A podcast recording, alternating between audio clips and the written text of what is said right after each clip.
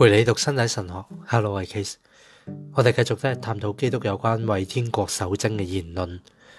如果基督嘅言论嘅最后一个词组为咗天国呢个词组，即系个词语啊组合啊，被无适切具体同埋客观嘅内容嘅话，我哋就冇可能完全去领悟守贞嘅意义同埋特点啦。我哋较早之前讲过，呢个词组表达咗一个动机。并且可以话系强调咗基督发出嘅首贞呼召一个主观嘅纵向，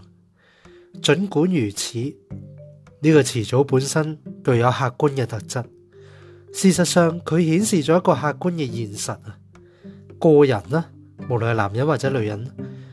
可为之而自阉，即系基督咁样去讲啦。马太福十九章所记载基督嘅言论入边。天国嘅现实系以精确，但同时概括嘅方式咧去界定嘅，好能够涵盖呢个现实应有嘅各种具体决定同埋意涵。天国系指上帝嘅国啦，嗰个啊就系基督佢宣讲将会喺最终，即系喺末世满全嘅国度。基督宣讲呢个国度喺现世嘅实现同埋建立，同时预言佢喺末世嘅圆满。上帝嘅国喺现世建立，同时展开同埋准备佢最终嘅满全。基督呼召我哋进入呢个国度，同时邀请所有人去加入。佢咧用婚宴嘅比喻去解去解释嘅。喺马太福廿二章嗰度又写：，如果佢呼召一啲人为咗天国而守贞。由于呢个说话嘅内容可见，佢系呼召佢哋用独特嘅方式参与喺地上面建立上帝嘅国，直此咧去展开同埋准备天国最终嘅阶段嘅圆满实现。就呢一样嘢而言啦，我哋话呢个呼召本身系带有特殊嘅标记，显示咗身体嘅救赎嘅奥秘特有嘅动态。因此，如果我哋所讲为咗天国嘅。诶，守贞强调弃绝自己，天天背起十字架跟随基督，以至于可以舍弃婚姻同埋放弃建立自己嘅家庭。呢一切来自一个信念嘅，就系藉住呢个方式，我哋可以为住上帝嘅国喺世上面同埋末世嘅实现作出更多嘅贡献。喺马太福音十九章所记载基督嘅言论入边，佢概括咁样话：自愿舍弃婚姻就系为咗呢个目的。但系佢冇明确咁样讲出嚟嘅喎，喺佢有关呢个主题嘅第一句话，佢尚未指明，为咗喺地上面实现上帝国同埋预备佢将来嘅满全，为咗咁样嘅守贞嚟讲，有咩具体责任系必须嘅呢？系不可或缺嘅呢？就住呢个问题，保罗咧提供咗诶进一步嘅解释。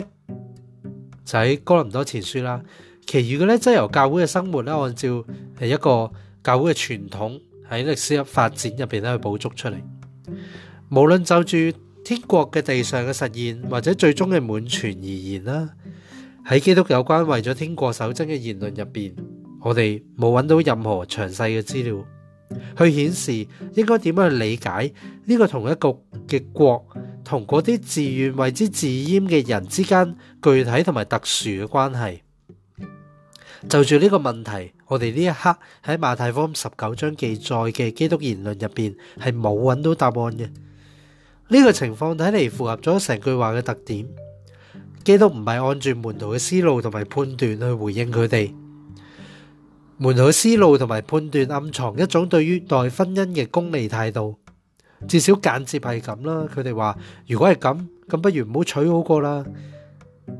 拉比嘅呢一種辯問方式咧，劃清咗界線。因此，當佢提到為天国守貞嘅時候，佢冇指出點解呢一種放棄婚姻係有價值嘅呢？以至於門徒對好唔會作出功利嘅詮釋，佢只係話咁樣嘅守貞，即使唔係必不可少嘅。有时亦都系为着上帝国所发出嘅呼召嚟，佢直住咁样指出喺佢宣讲同埋呼召人类追随天国入边呢一种守贞本身系具有特殊嘅价值，嗰啲自愿作出咁样选择嘅人呢，就必须由于重视呢个价值而咁样选择，而唔系基于任何其他嘅考虑啦。基督嘅回应直接关系到为咗天国守贞，佢嘅主调系间接。同埋较早之前讨论嘅婚姻问题咧系相关联因此如果我哋根据基督暗藏嘅意向思考整句话，答案咧将会系咁啊，就系如果选择婚姻，就必须选择做物主喺起初建立嘅婚姻啦，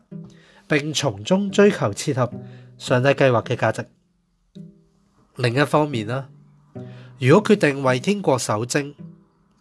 咁必须从中去追求设立呢一种呼召嘅价值。换言之，佢嘅行动咧必须同佢所选择嘅呼召咧要一致嘅。天国当然系所有人向往嘅最终满全啦。基督亦都系向全人类道出咁样嘅信息。